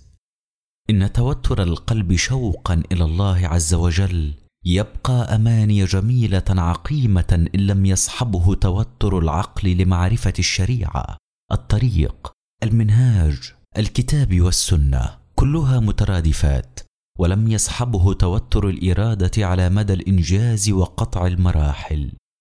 بين مرمى الطرف ومحط الأشواق وبين مواقع الأقدام في الواقع الآني مسافات شواسع. بين الفرد المؤمن وبين مطمحه المصيري في الآخرة أن يقتحم العقبة فهو جهاد بين الجماعة المتحزبة لله عز وجل وبين أهدافها المصيرية في التاريخ. أن يقتحم كل فرد منها العقبة جنبا إلى جنب مع إخوانه المقتحمين ليكون جهد المجموع جهادا متضافرا. العقبة المراد اقتحامها في حق الفرد والجماعة تتكون من واقع مرج متحرك معاد لإرادة السالك مليء بالأشواك والأعداء. فإن لم يكن الفرد تربى على الجندية العنيدة إن لم يكن مقاتلا يستهين بالموت فما دونها وإن لم تكن الجماعة من التنظيم وصواب الرؤية وصلاح القيادة فلن يكون جهاد بل تصالح مع الواقع في مرحلة من المراحل في منعطف تاريخي ما عند كبوة أخلاقية أو عثرة تكتيكية أو سوء تقدير أعقبه سوء تدبير. الخصال العشر. كنت جمعت بحمد الله تعالى وحسن عونه في كتاب المنهاج النبوي شعب الإيمان سبعا وسبعين شعبه تأسيت في ذلك بصنيع علماء الحديث الذين ألفوا في الموضوع. أشهرهم الإمامان البيهقي والحليمي. وكنت قسمت هذه الشعب عشر فئات. في كل فئة شعب تتناسب فيما بينها وتكون مجالا تربويا سلوكيا. فكأن الخصال العشر مراحل على الطريق ومراحل صعود في العقبة. ألخص هنا في بضع صفحات ما بسطته هناك. تكون شعب الإيمان مضمون الإسلام ومحتوى الإيمان ويكون ترتيبها معراجا إحسانيا يرتفع عليه المؤمن وجماعة المؤمنين من نقطة البداية في الحياة في حضن الوالدين إلى مقام الشهادة في سبيل الله في ساحة الجهاد. كنا نورد المنهاج في الصفحات الماضية مبرزين معناه وغايته. النداء من الله عز وجل والاستجابة. الرحمة القلبية وسماع العبد للهداية ثم حكمة العقل الضرورية للسلوك. تلك هي وجهة المنهاج وتلك آلاته. وهنا نفصل كنه العقبة إن شاء الله تعالى. نفصل ما أجملته آيات فك الرقبة والإطعام في يوم ذي مسغبة والكينونة مع المؤمنين المتواصين بالصبر المتواصين بالمرحمة. السنة النبوية وبيانها للصور والشعب شرح لكتاب الله تعالى وما أتينا بشيء في ترتيبنا لشعب الإيمان إلا من قال الله وقال رسول الله. نرجو أن يوفقنا الله سبحانه وتعالى بمنه وكرمه. وسأضع إن شاء الله تحت كل خصلة ما يتفرع منها من شعب وأرقم الشعب. ألف. الخصلة الأولى. الصحبة والجماعة. هنا بروز العبد إلى الدنيا في حضن والديه ثم رعاية وجوده الجسمي وكيانه المادي في الأسرة والمجتمع إلى أن ينضج وعيه بوجوده ووعيه بانتمائه لأمة ذات رسالة وتعلقه القلبي بصاحب الرسالة صلى الله عليه وسلم ثم انخراطه في محضن إيماني محضن الجماعة المجاهدة. وهكذا يتخذ وجهته ليتكون في مدرسة الجهاد. شعاب الخصلة. واحد محبة الله ورسوله. اثنان التحاب في الله عز وجل. ثلاثة صحبة المؤمنين وإكرامهم. أربعة التأسي برسول الله صلى الله عليه وسلم في خلقه. خمسة التأسي به صلى الله عليه وسلم في بيته. ستة الإحسان إلى الوالدين وذوي الرحم والصديق. سبعة الزواج بآدابه الإسلامية وحقوقه. ثمانية. قوامة الرجل وحافظية المرأة. تسعة. إكرام الجار والضيف. عشرة. رعاية حقوق المسلمين والإصلاح بين الناس. إحدى عشرة. البر وحسن الخلق. باء. الخصلة الثانية. الذكر. في الخصلة الأولى أخذنا المسلم في منبته المسلم فإن نبت في مجتمع غير مسلم فإلى الصحبة والمحضن الإسلامي يرجع لابد. وفي حضن الصحبة الصالحة يبدأ توجه المسلم إلى ربه عز وجل فتجمع خصلة الذكر أنواع العبادات المشروعة التي توقظ روحانية العبد ويعم عبيرها الجو الذي يتنفسه جند الله ليصلح المحل وهو القلب والعقل للتخلق بأخلاق الجندية وللسلوك سلوكا جهاديا. شعب الخصلة. اثنتا عشرة. قول لا إله إلا الله. ثلاث عشرة. الصلاة المفروضة. أربع عشرة. النوافل. خمس عشرة. تلاوة القرآن. ست عشرة. الذكر وأثره. سبع عشرة. مجالس الإيمان. ثمان عشرة. التأسي بأذكار النبي صلى الله عليه وسلم. تسع عشرة. الدعاء بآدابه. عشرون. التأسي بدعواته صلى الله عليه وسلم. إحدى وعشرون. الصلاة على النبي صلى الله عليه وسلم. اثنتان وعشرون.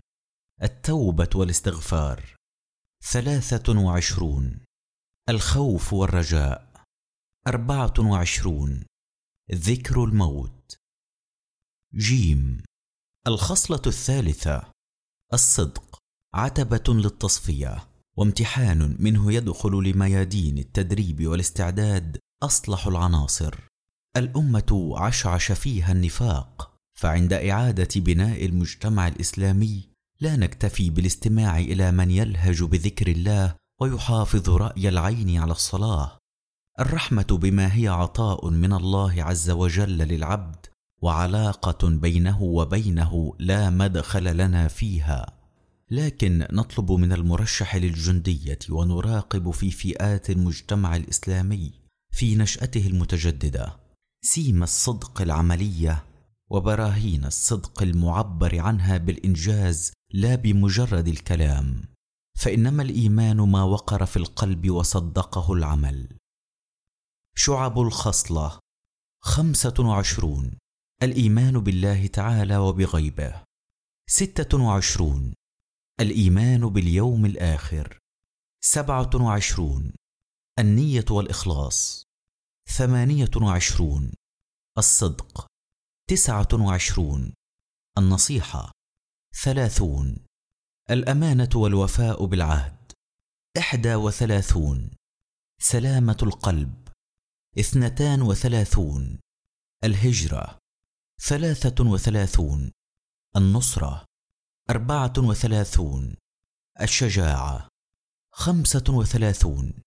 تصديق الرؤيا الصالحة وتعبيرها. دال. الخصلة الرابعة. البذل. في هذه المرحلة من تربية المؤمن وبناء المجتمع المتجدد نترقب ذوبان الأنانيات. البذل عطاء وعدل وقسمة وإحسان. لا أقصد بذكر المراحل الترتيب الزمني إنما هي اعتبارات لما نعهده من تقدم لقاء داع إلى الله عز وجل على التوبة والعبادة. الخصلة الأولى تليها الثانية وسبق التطهر الروحي على نبذ النفاق. الخصلتان الثانية والثالثة وتأخر التخلق ونبذ الشح والسماح بما في اليد على تغلغل الإيمان والصدق فيه وهكذا. شعب الخصلة. ستة وثلاثون. الزكاة والصدقة. سبعة وثلاثون. الكرم والنفقة في سبيل الله. ثمانية وثلاثون. إيتاء ذوي القربى واليتامى والمساكين. تسعة وثلاثون. إطعام الطعام. أربعون. قسمة المال. هاء. الخصلة الخامسة. العلم. لا بد من علم سابق. هو ذاك العلم المنصب في وعي المسلم بالمنبه أو بالتوبة من أسرته ورفقته وصحبته. لكن التعليم المنهاجي الذي يكون واسطة عقد المنهاج والشرط الأساسي لنجاح العمل هو العلم الذي يعيد في وعي المؤمن المعايير إلى وضعها الإسلامي ويعيد في ثقافة الأمة كل معرفة كونية إلى مفصلها ومتصلها بعلم الحق علم الوحي. شعب الخصلة إحدى وأربعون. طلب العلم وبذله اثنتان وأربعون. التعليم والتعلم الإسلامية ثلاثة وأربعون.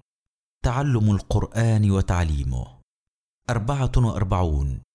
الحديث الشريف واتباع السنة. خمسة وأربعون. التعليم بالخطابة. ستة وأربعون. التعليم بالمواعظ والقصص. واو. الخصلة السادسة. العمل. العلم إمام العمل. هذا حديث شريف. إن القدرة على إنجاز المهمات لا يعتد به اسلاميا إن لم يكن العمل صالح الأهداف صالح الوسائل بميزان الشرع. لهذا فإن سياج الشريعة وصوى الطريق ضمان لحرية المؤمن وحرية الأمة في حركتها. من كانت اللذات والمنفعة المادية هدفا له في الدنيا فسيعتبر الشريعة التي تحوط عمل المؤمن من مولده إلى مماته في كل صغيرة وكبيرة قيدا كليا شموليا. أما من يعرف أن بعد الدنيا دار الجزاء وأن الإنسان خلق للسعادة الأبدية في الجنة فحريته يحدها في العمل بما يحقق غايته بما يرضي ربه وليس إلا اتباع الشريعة في تفاصيل أحكامها من سبيل. شعب الخصلة. سبعة وأربعون. التكسب والاحتراف. ثمانية وأربعون طلب الحلال تسعة وأربعون العدل خمسون إماطة الأذى عن الطريق إحدى وخمسون التواصي بالحق والصبر اثنتان وخمسون تأييد الله عباده الصالحين بالغيب ثلاثة وخمسون البركة في أرزاقهم زاي الخصلة السابعة السمت الحسن بالتحلي القلبي والعقلي بقيم الإيمان وأخلاق الإحسان يكتسب المجتمع الإسلامي المناعة ضد العدوى الحضارية المادية فيتقمص أشكالا حضارية تظهر على السطح ما في الباطن. شعب الخصلة أربعة وخمسون. الطهارة والنظافة خمسة وخمسون. آداب اللباس. ستة وخمسون. السمت الحسن والبشر. سبعة وخمسون. الحياء. ثمانية وخمسون. آداب المعاشرة. تسعة وخمسون. الجمعة والعيدان. ستون. عمارة المساجد. حاء. الخصلة الثامنة. التؤدة. هي الخصلة الخلقية السياسية الاستراتيجية التي تفصل بين العمل المرتجل الانفعالي وبين العمل المخطط المحكم. خصلة امتلاك النفس والصبر على طول الطريق ومشقة العمل والتريث حتى تنضج الثمار. شعب إحدى وستون. الصوم إثنتان وستون. القيام في حدود الله عز وجل. ثلاثة وستون. حقن الدماء والعفو عن المسلمين. أربعة وستون. حفظ اللسان والأسرار. خمسة وستون. الصمت والتفكر. ستة وستون. الصبر وتحمل الأذى. سبعة وستون. الرفق والأناة والحلم ورحمة الخلق. ثمانية وستون. التواضع. طاء. الخصلة التاسعة. الاقتصاد. الاقتصاد تجديد القصد ونقد المراحل والاستفادة من الأخطاء وتوفيق الأعمال الجزئية وتنسيقها. ثم إن الاقتصاد في اللغة والشرع توسط لا يقبل المغالاة ولا حرق المراحل. ثم الاقتصاد بمعنى الإنتاج والتوزيع وتنظيم الملكية وما تحمل الكلمة من مدلولات عصرية. شعب الخصلة تسعة وستون. حفظ المال سبعون. الزهد والتقلل إحدى وسبعون. الخوف من غرور الدنيا. ياء الخصلة العاشرة. الجهاد المنهاج فهم وعلم وطريق يؤدي بالمؤمن إلى نيل الدرجات العلى عند الله عز وجل بالجهاد والاستشهاد بعد جهاد النفس وجهاد وسط الأمة. والمنهاج النبوي طريق حزب الله لإقامة دولة الإسلام على طريق الجهاد وبالجهاد. شعب الخصلة اثنتان وسبعون. الحج والعمرة ثلاثة وسبعون.